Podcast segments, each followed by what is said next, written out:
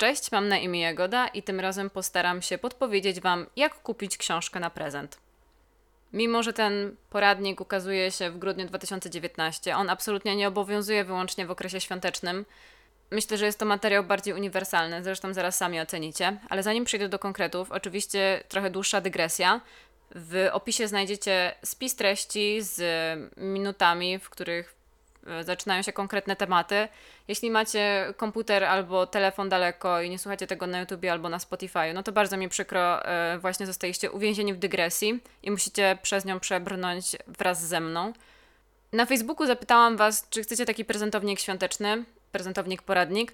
No i to chyba był post w ogóle, który cieszył się na moim fejsie największym zainteresowaniem.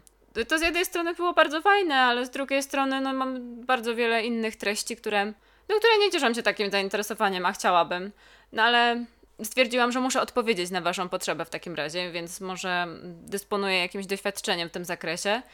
I przejrzałam całą biblioteczkę swoją domową, gdzieś tam mm, w głowie wyszukałam tytuły, które mogłyby pasować w ogóle do tej listy prezentów. Stworzyłam ją, no i zapytałam też Kinga, o której wspominałam ostatnio, w kontekście książek Stephena Kinga i streszczania mi ich fabuł, tych nowszych, no bo ja już nie czytam Kinga. No i zapytałam ją, czy ma jakąś lekturę, którą chciałaby polecić. Ona dorzuciła swoją cegiełkę i, i super, i te, o tej książce też wspomnę. I potem wysłałam tę listę Ani, zadałam jej dokładnie to samo pytanie. Anię możecie kojarzyć z tego pierwszego, mm, z tego pierwszego roku działalności między wierszami na YouTubie, kiedy wrzucałam filmy, no i to, to jest ten głos z offu, no to to jest Ania. No i ona tak spojrzała na nią i napisała mi, o wow, to jest lista książek, które ty byś chciała dostać na prezent. Ja napisałam, że być może, no i co z tego, nawet jeśli. Trudno nie było przyznać jej racji po, po chwili namysłu, no bo przecież to są książki, które przepuściłam przez swój filtr, które już przeczytałam albo które gdzieś tam um, jeszcze są w trakcie doczytywania. I stwierdziłam, że zrobimy tak, żebym ja nie straciła tego czasu, który poświęciłam na przygotowanie listy konkretnych tytułów, to ja Wam o nich opowiem, ale później. A na samym początku podzielę się z Wami takimi wskazówkami dotyczącymi dobierania książek do ludzi. I zwykle, nie chwaląc się, wychodzi mi to całkiem dobrze, więc e, powiedzmy, że dzielę się z Wami moim doświadczeniem. Koniec dygresji. Jesteście uratowani. Jedziemy dalej. Moja pierwsza sugestia to jest to, żeby nie ograniczać się wyłącznie do papieru. Książka przyjmuje wiele różnych form i musicie najpierw poznać czytelnika, którego chcecie obdarować książką. Uważam, że książka to jest raczej trudny prezent mimo wszystko. No ale nie aż tak trudny, że nie można go komuś kupić, no bez przesady. Po prostu chodzi mi o to, żeby zwrócić uwagę, czy ta osoba korzysta z czytnika albo słucha audiobooków, bo wtedy nie musicie ograniczać się wyłącznie do tego, co zostało wydrukowane. Możecie e, sprezentować jej kartę podarunkową na e-booki albo mm, kartę do aplikacji do słuchania audiobooków, z której korzysta. Na pewno są jeszcze jakieś subskrypcje, które możecie opłacić yy, z wyprzedzeniem. Ewentualnie, jeśli nie czujecie się na siłach jednak, żeby nabyć jakąś książkę, to może warto pomyśleć o czymś takim około literackim, kulturalnym. I mam tutaj na myśli prenumeratę jakiejś gazety, jakiegoś ulubionego tygodnika tej osoby, albo jakiegoś magazynu, który byłby wokół jej zainteresowań. Myślę, że to jest taki nieoczywisty prezent, w 2019 roku. Ja ze swojej strony sugeruję prenumeratę Pisma. To jest mój ulubiony miesięcznik, taki mm, społeczno-polityczno-kulturalny.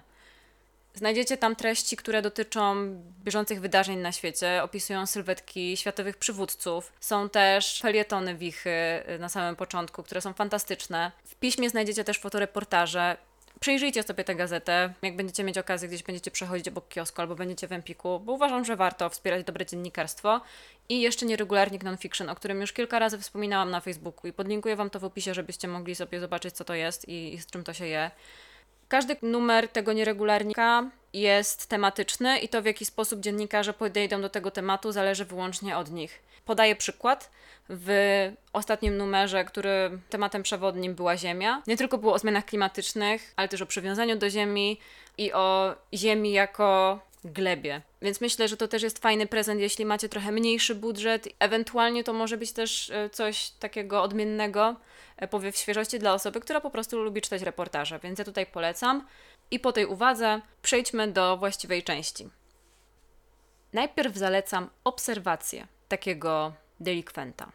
Sprawdźcie koniecznie, ponieważ żyjemy w czasach totalnego ekshibicjonizmu. Co czyta ten człowiek? Czym się chwali na Instagramie? Co wrzuca na Facebooka? Czy na przykład wspominał o jakichś książkach? Czy je polecał? Po prostu przeszpiegujcie go w sieci, potem zajrzyjcie do meandrów swojej pamięci, a na samym końcu, jeśli to już nie pomoże, po prostu wproście się do takiego osobnika, do jego naturalnego habitatu i obfotografujcie bezczelnie jego biblioteczkę.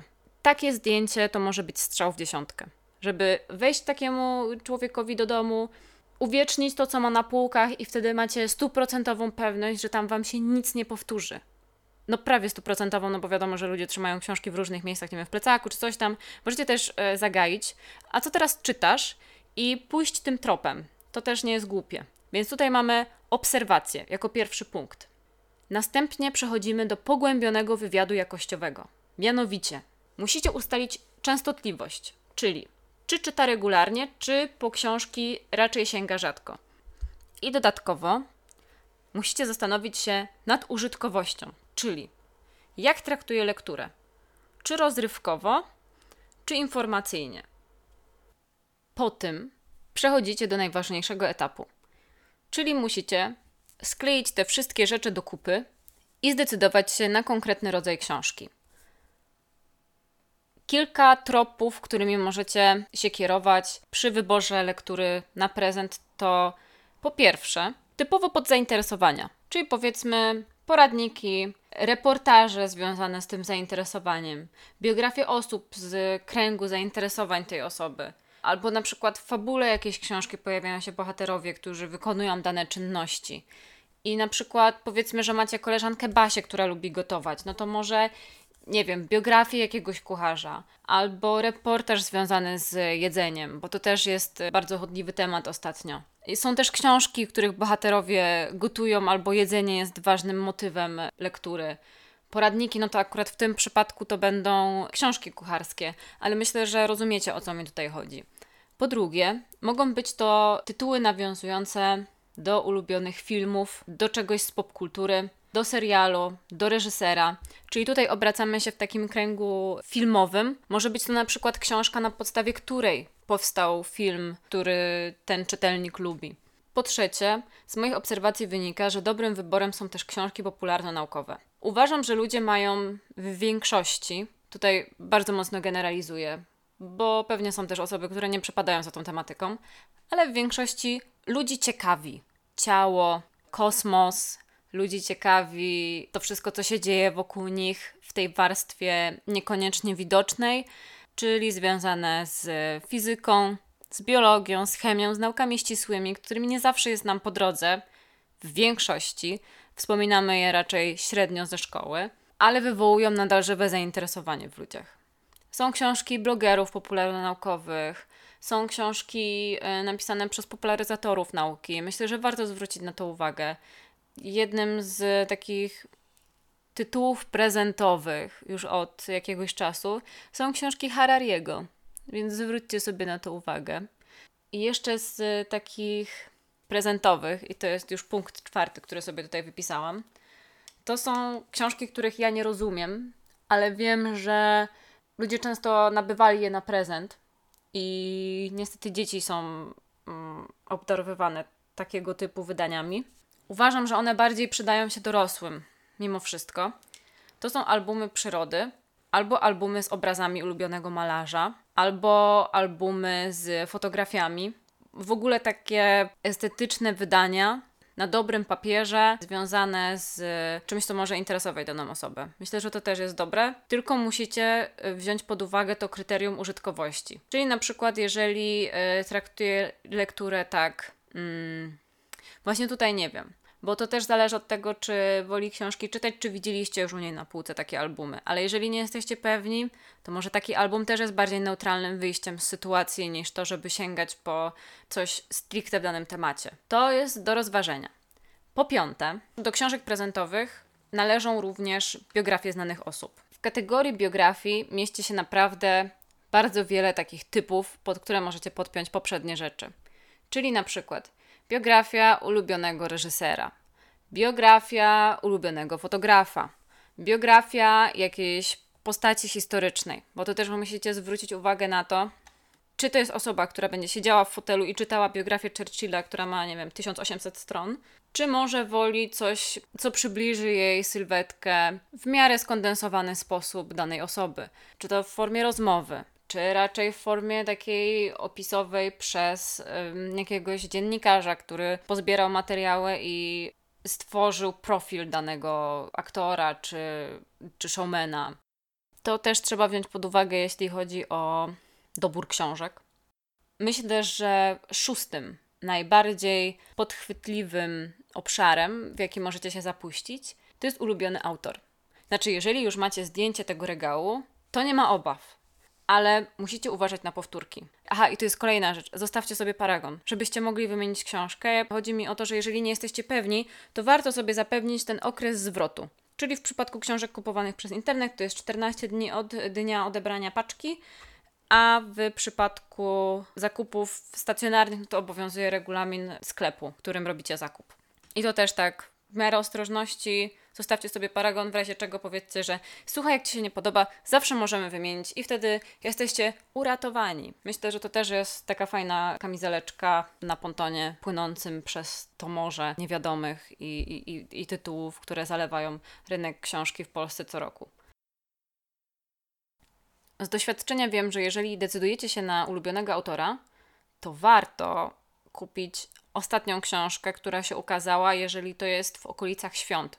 Dlatego, że są mniejsze szanse, że y, ta osoba nabyła dany tytuł, niż wtedy, kiedy książka okazała się na przykład nie wiem, w czerwcu albo na początku danego roku kalendarzowego.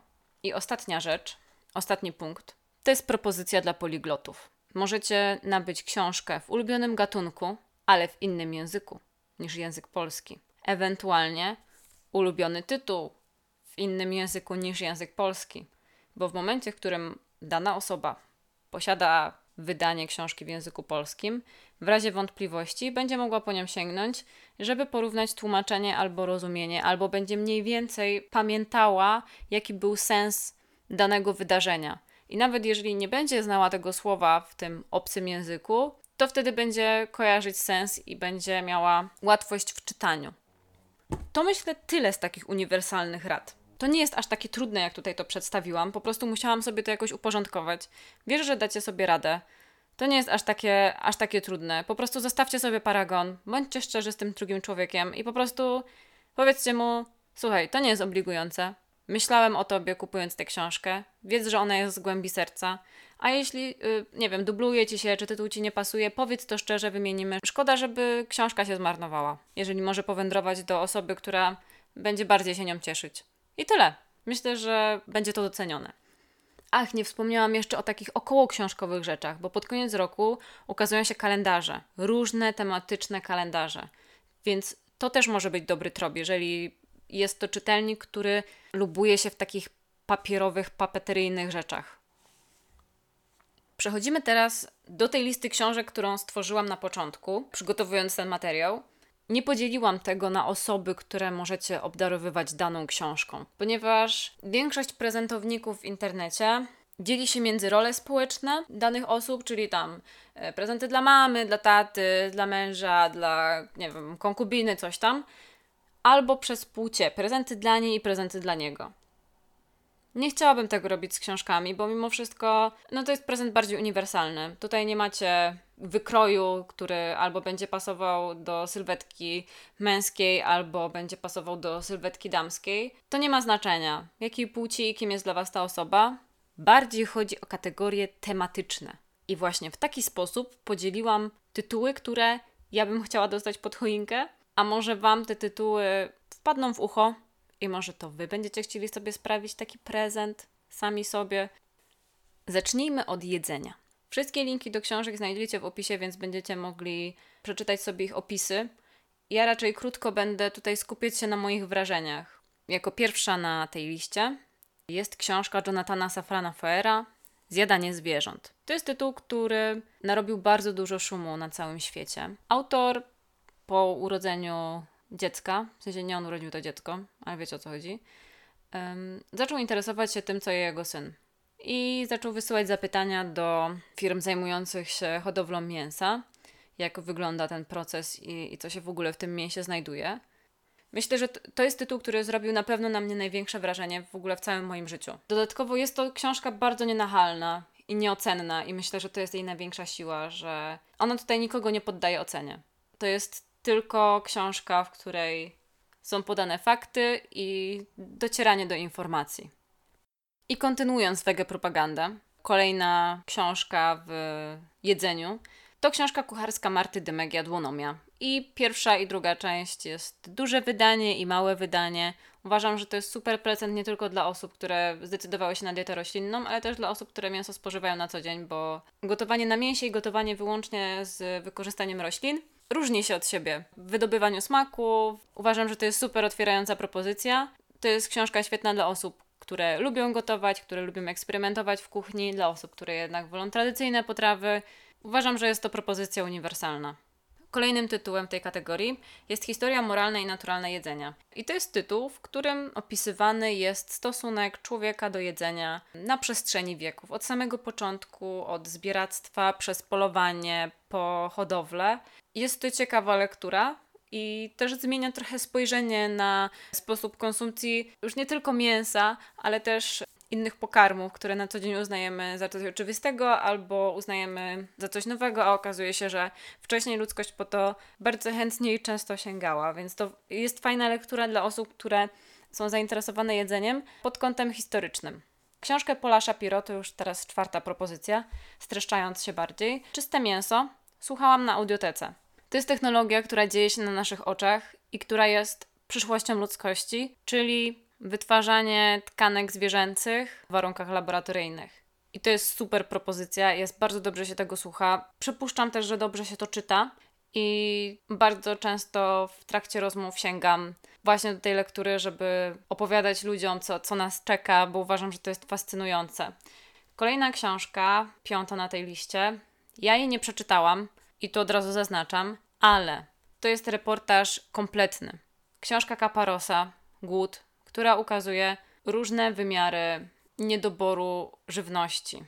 Jest część świata, która nie ma dostępu do pokarmu, i część świata, która ma dostęp ze względu na to, że jest ludnością biedniejszą niż klasa średnia, ma dostęp do produktów, które są tanie i dochodzi do sytuacji, w której spożywają bardzo dużo jedzenia, a jednocześnie są otyli niedożywieni to, co producent im oferuje, nie posiada żadnych wartości odżywczych oprócz cukru i, i tłuszczu, i to jest koniec. I to jest lektura, którą ja koniecznie muszę nadrobić w 2020 roku. To jest książka, która za mną chodzi już od, od, od bardzo długiego czasu. Czytam o niej, czytam wywiady z autorem, rozmawiam na temat tej książki. No, ja tutaj nie jestem tą stroną, która opowiada, ale dzięki temu ja mogę Wam tę książkę dalej, dalej przekazać. To jest, z rozmów wnioskuję, fantastyczny tytuł tak samo zmieniający perspektywę jak zjadanie zwierząt i książką kolejną kucharską, klamrującą i wieńczącą tę wege propagandę. To jest nowość Jamie'ego Oliviera, wege. I to pokazuje światowe trendy związane ze zmianą kierunku i promocji sposobu żywienia. Światowej słowy kucharz, który promuje roślinną kuchnię. Czy, czy może być lepiej? Czy mogłam dostać lepszy prezent na święta? Tak, ale to też jest super wiadomość i pokazuje w, jaki, w którym kierunku idzie idzie ludzkość, jeśli chodzi o przygotowywanie posiłków. Kolejną kategorią tematyczną są książki polityczne. I zacznę od Mausa, opowieści ocalałego Arta Spiegelmana. To jest powieść graficzna, która porusza wiele wątków. Tam jest nie tylko druga wojna, Holokaust, wielka historia pokazana z perspektywy jednostkowej. To też są reperkusje i relacje ojca z synem.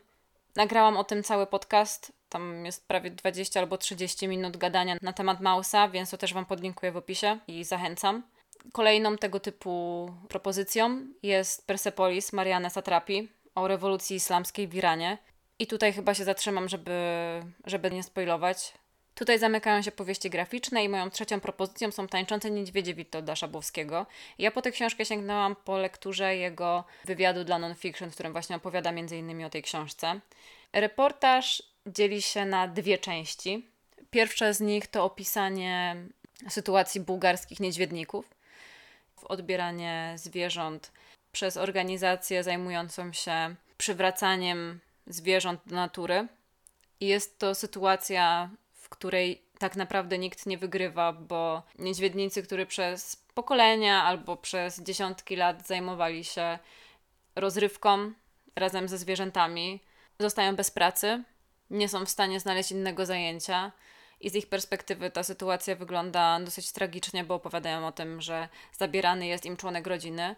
Jest też zwierzę przez wiele lat krzywdzone, w jego nos jest wbijany kołek. Zwierzęta nie tańczą, tylko unikają bólu skacząc, ponieważ ten łańcuch jest przyczepiony do smyczka. Wobec czego, kiedy niedźwiednik gra, wygląda jakby zwierzę tańczyło, ale ona tak naprawdę y, unika bólu, ponieważ niedźwiedzie mają bardzo wrażliwe nosy. I z trzeciej strony jest ta organizacja, która chce te zwierzęta mm, zabrać i przywrócić naturze i, i jakoś zrekompensować im ich cierpienie ale też nie, nie, nie, są, nie mają możliwości przywrócenia ich do środowiska naturalnego ze względu na to, że że te zwierzęta po prostu by zginęły, więc tworzą im warunki jak najbardziej zbliżone do tego, co mogłoby je spotkać poza tym rezerwatem. Pierwsza część jest bardzo ważna w kontekście tego, co się dzieje w drugiej części książki. I tak dużo mówię, ponieważ to jest lektura, która zrobiła na mnie duże wrażenie ze względu na tą konstrukcję. Bo uważam, że bez tej pierwszej części nie byłoby tej metafory związanej z reportażami z krajów byłego bloku wschodniego. W jaki sposób ta wolność która wydarzyła się po upadku Związku Radzieckiego, działa i czy działa, czy w ogóle ma prawo działać w krajach, które przez tyle lat nie miały własnej autonomii. I to jest niedługa lektura, ale o kurczę, to jest super tytuł. Bardzo szybko to przeczytałam i już obiecuję, że w kolejnych tytułach nie będę się tak rozgadywać. Prawdopodobnie właśnie teraz Was okłamałam. Kolejna propozycja to jest ta książka, o której Wam mówiłam na samym początku, że poleciła mi ją Kinga wrzucić do tego zestawienia. I już poczekajcie, tylko muszę znaleźć jej rekomendację, którą ona mi tutaj uskuteczniła. O, tutaj wysłała mi swój obiad. Tak to jest, jak się o pierdołach gada. O, dobra, słuchajcie. Strup Hiszpania rozdrapuje rany autorstwa Katarzyny Kobylarczyk. To jest książka o wojnie domowej Hiszpanii. Uwaga, cytuję wiadomość od Kingi. Książka ogólnie jest o tym, jak Hiszpania radzi sobie z pamięcią o ofiarach wojny domowej. Że jedna część społeczeństwa szuka swoich bliskich, którzy są pogrzebani w masowych grobach i na własny koszt muszą zorganizować ekshumację, a druga część uważa, że jest to atak na pewien ład państwowy. Bo po co rozdrapywać stare rany, przecież mamy pokój i tak dalej. Jest to bardzo szeroko opisywane powstawanie Doliny Poległych, czyli cmentarza dla ofiar wojny domowych, domowej, na którym do niedawna leżał Franco. Ostatnio przez hiszpańskie referendum ciało zostało przeniesione. Myślę, że tutaj możemy zakończyć takie współczesno-polityczne propozycje. Cofamy się trochę mm, na tej osi czasu i przenosimy się do okresu, w którym po raz pierwszy w Sejmie Polskim zasiadły kobiety. I posełki osiem pierwszych kobiet to nie tylko historia konkretnych posełek, ale też w ogóle obraz kobiety w tamtych czasach, w jaki sposób o, o roli kobiety i o roli mężczyzny wtedy się mówiło i myślało. Jaką rolę kobiety mają w wielkiej historii, która jest umniejszana i zapomniana. Myślę, że to jest ciekawa lektura dla wszystkich, którzy uważają, że kobiety powinny z dala się trzymać od polityki, albo takich, którzy roli kobiet w ogóle w historii nie doceniają. Tę kategorię tematyczną y, zakończę propozycją autorstwa Magdaleny Grzebałkowskiej 1945 Wojna i pokój. To jest książka, której słuchało się fenomenalnie i opowiada o roku, w którym skończyła się wojna. To mówi dużo i mało. I zaraz przejdziemy do tematyki społecznej, jednak jeszcze kończąc 1945 zaliczyłam do politycznych ze względu na to, że tu jest wielka historia, która oddziałuje na jednostki a nie przez pryzmat społeczny ogląda się wielką historię. To jest y, moim zdaniem duża różnica w konstruowaniu danej opowieści. Rok 45 kończy się wojna i co się dzieje? Zanim dochodzi do normalnego obrotu pieniądza, do powrotu z działań wojennych, zakańczania ich, co wtedy dzieje się na ziemiach polskich? Teraz wybaczcie mi, na chwilę muszę tutaj podłączyć komputer, zanim on y, umrze, a tego nie chcemy. E, przechodzimy do społeczeństwa i społeczeństwo podzieliłam sobie na. Muszę rozwiązać ładowarkę. I społeczeństwo dzielimy sobie na spojrzenie reportażowe i beletryzowane.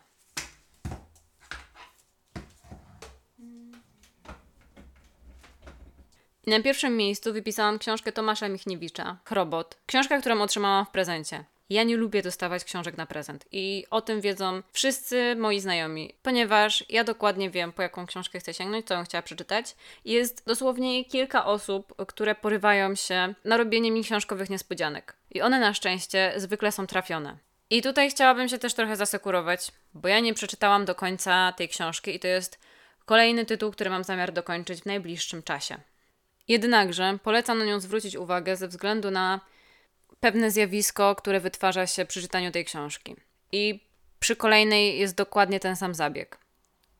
Siedem osób z różnych części świata, obserwujemy ich życie i przez te pojedyncze historie nagle wytwarza się obraz części wspólnych i wykluczeń, obraz społeczeństw, w których żyją, ich rodzin. I to jest takie holistyczne spojrzenie. Tak samo w książce A co wyście myślały? Spotkania z kobietami z mazowieckich wsi. To jest książka, którą czytałam w tym roku, autorstwa Agnieszki Pajączkowskiej i Aleksandry Zbroi. Dwie dziennikarki jako punkt odniesienia obrały Warszawę i zaczęły podróżować i wypytywać kobiety o to, jak po prostu żyje im się poza dużym miastem, jak wygląda ich życie. I właśnie z tych bardzo różnych historii, przez wielość tych postaci i wielość rozmów wyłaniają się główne problemy, z którymi borykają się te kobiety. I co chyba najbardziej zadziwiające w świecie pełnym stereotypów i potrzeby kategoryzowania, takiej naturalnej potrzeby każdego ludzkiego mózgu, żeby wrzucać dane zagadnienia w szufladki, nie ma tam jednego obrazu kobiety, która decyduje się na życie poza dużą aglomeracją. I to jest duża wartość tego tytułu. Niedługa, więc dla osób, które może na co dzień nie sięgają po reportaże, myślę, że fajny wybór. Esej, który bardzo zrobił na mnie wrażenie chyba w zeszłym roku, to dlaczego nie rozmawiam już z białymi o kolorze skóry.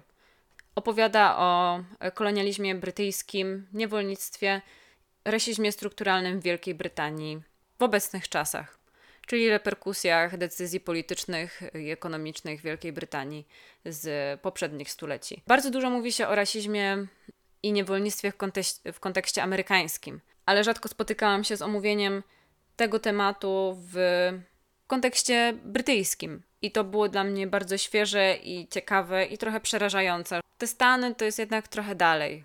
Ale ta Wielka Brytania wydaje mi się być taka bardziej namacalna i, i przez to chyba cały problem strukturalny bardziej przerażający. Uwaga, robię segway. Będąc już przy niewolnictwie, przechodzimy na polskie podwórko. Do książki Anny Kulciel-Frydryszak, służące do wszystkiego. Z tą książką zapoznałam się w formie audiobooka. I uważam, że to jest jedna z tych książek, które daje takie poczucie pełnego opisania tematu. I o niej też pisałam na Facebooku i Wam to podlinkuję.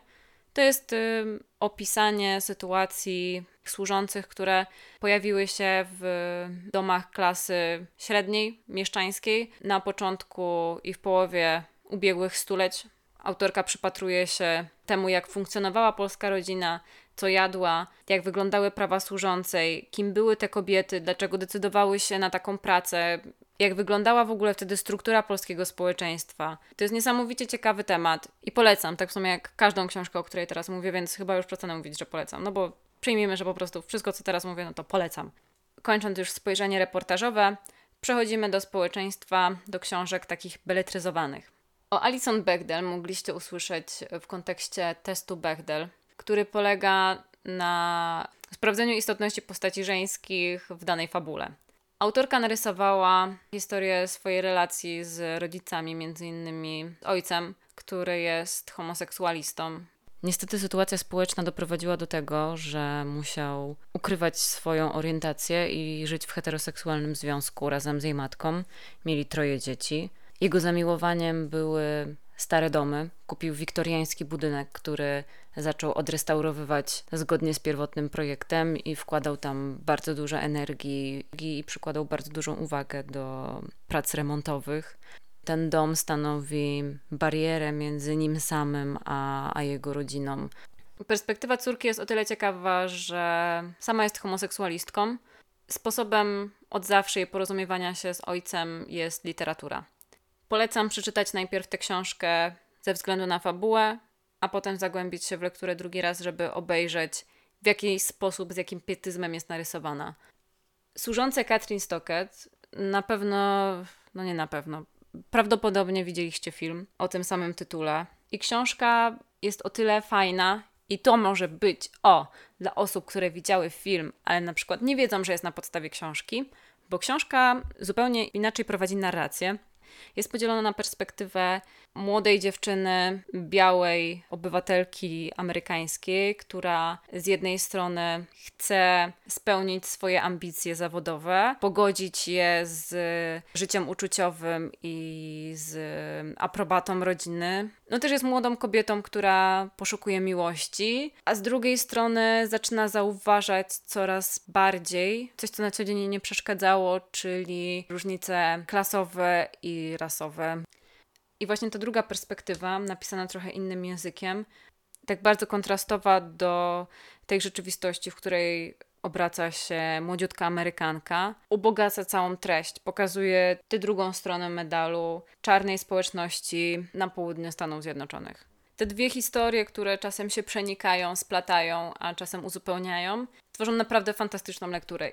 Elegia dla bidoków to książka, którą przesłuchałam w tym roku i to też jest taki beletryzowany obraz społeczeństwa. Główny bohater, który jest autorem, czyli Elegia dla bidoków, ta autobiografia, jak już pewnie zdążyliście wywnioskować i bez sensu to mówię, pokazuje pewien problem społeczny na pasie rdzy w Stanach, w jaki sposób to społeczeństwo, które było klasą średnią, bogacącą się, klasą robotniczą, jednak zaczęło podupadać w sytuacji, w której przemysł zwolnił, w którym zamknęły się fabryki, jaka jest mentalność ludzi, którzy tam mieszkają i co sprawia, że wiele z nich żyje na granicy ubóstwa albo nie radzą sobie z najprostszymi sprawami związanymi z życiem codziennym, czyli tym, że regularnie trzeba opłacać rachunki, jak dysponować pieniędzmi, bo to może brzmieć naprawdę prosto, ale kiedy wchodzi się w dorosłe życie, to sprawia duży problem, zwłaszcza kiedy nikt cię tego nie uczy i jest to problem pogłębiający się od pokoleń.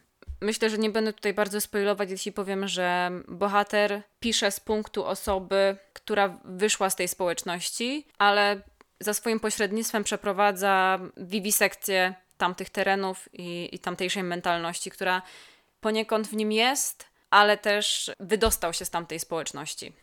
Jeśli chodzi o tematykę społeczną, warto zwrócić uwagę na serię reportaży wydawnictwa Czarne i wydawnictwa Poznańskiego. Tam na pewno coś znajdziecie.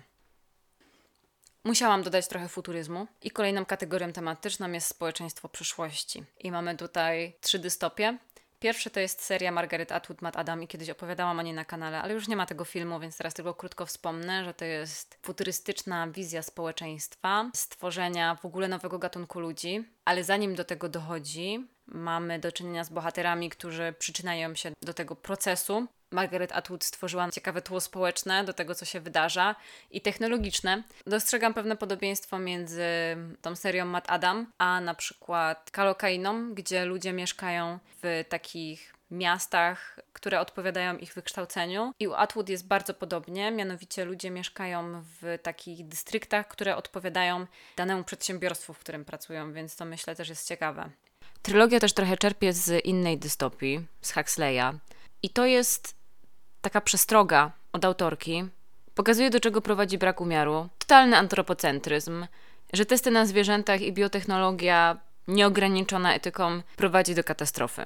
Na drugim miejscu mam opowieść podręcznej Margaret Atwood znowu, ale to jest książka zupełnie innym vibem. O opowieści podręcznej też już mówiłam. To jest najczarniejsza wizja tego, w jakim kierunku może podążyć społeczeństwo, jeśli chodzi o wzmacnianie fundamentalistycznych postulatów skierowanych głównie do roli kobiety w społeczeństwie.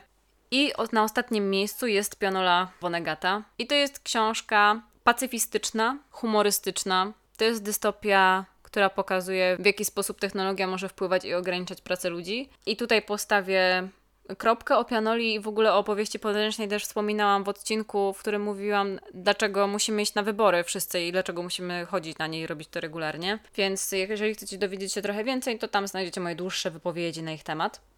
To jest kategoria tematyczna, z której Ania się najbardziej śmiała. I ja to rozumiem, ale kupuję takie książki na prezent.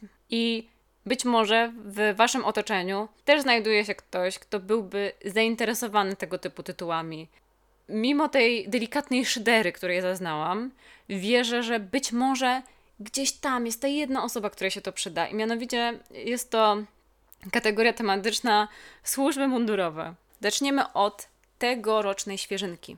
Fantastyczna książka, ja jej przesłuchałam, już jeden egzemplarz sprezentowałam i to jest Gad, spowiedź klawisza autorstwa Pawła Kapusty. O matko, jak to się fantastycznie czyta. O e, służbie więziennictwa Polsce. I to jest koniec, tutaj po prostu stawiam kropkę, a wy idziecie kupić tę książkę. Świetnie się tego słucha. W ogóle Habior jest y, lektorem, więc o matko, po prostu no, nie dało się dobrać lepszego aktora do odegrania tej książki. Także jako audiobook polecam. Słyszałam też, że czyta się całkiem dobrze. Myślę, że to jest strzał w dziesiątkę dla osób, które może też nie zawsze, niecodziennie sięgają po, po reportaże i lubią anegdoty. Proszę bardzo, książka idealna dla nich. Na drugim miejscu po prostu wpisałam książki Nawala, operatora gromu.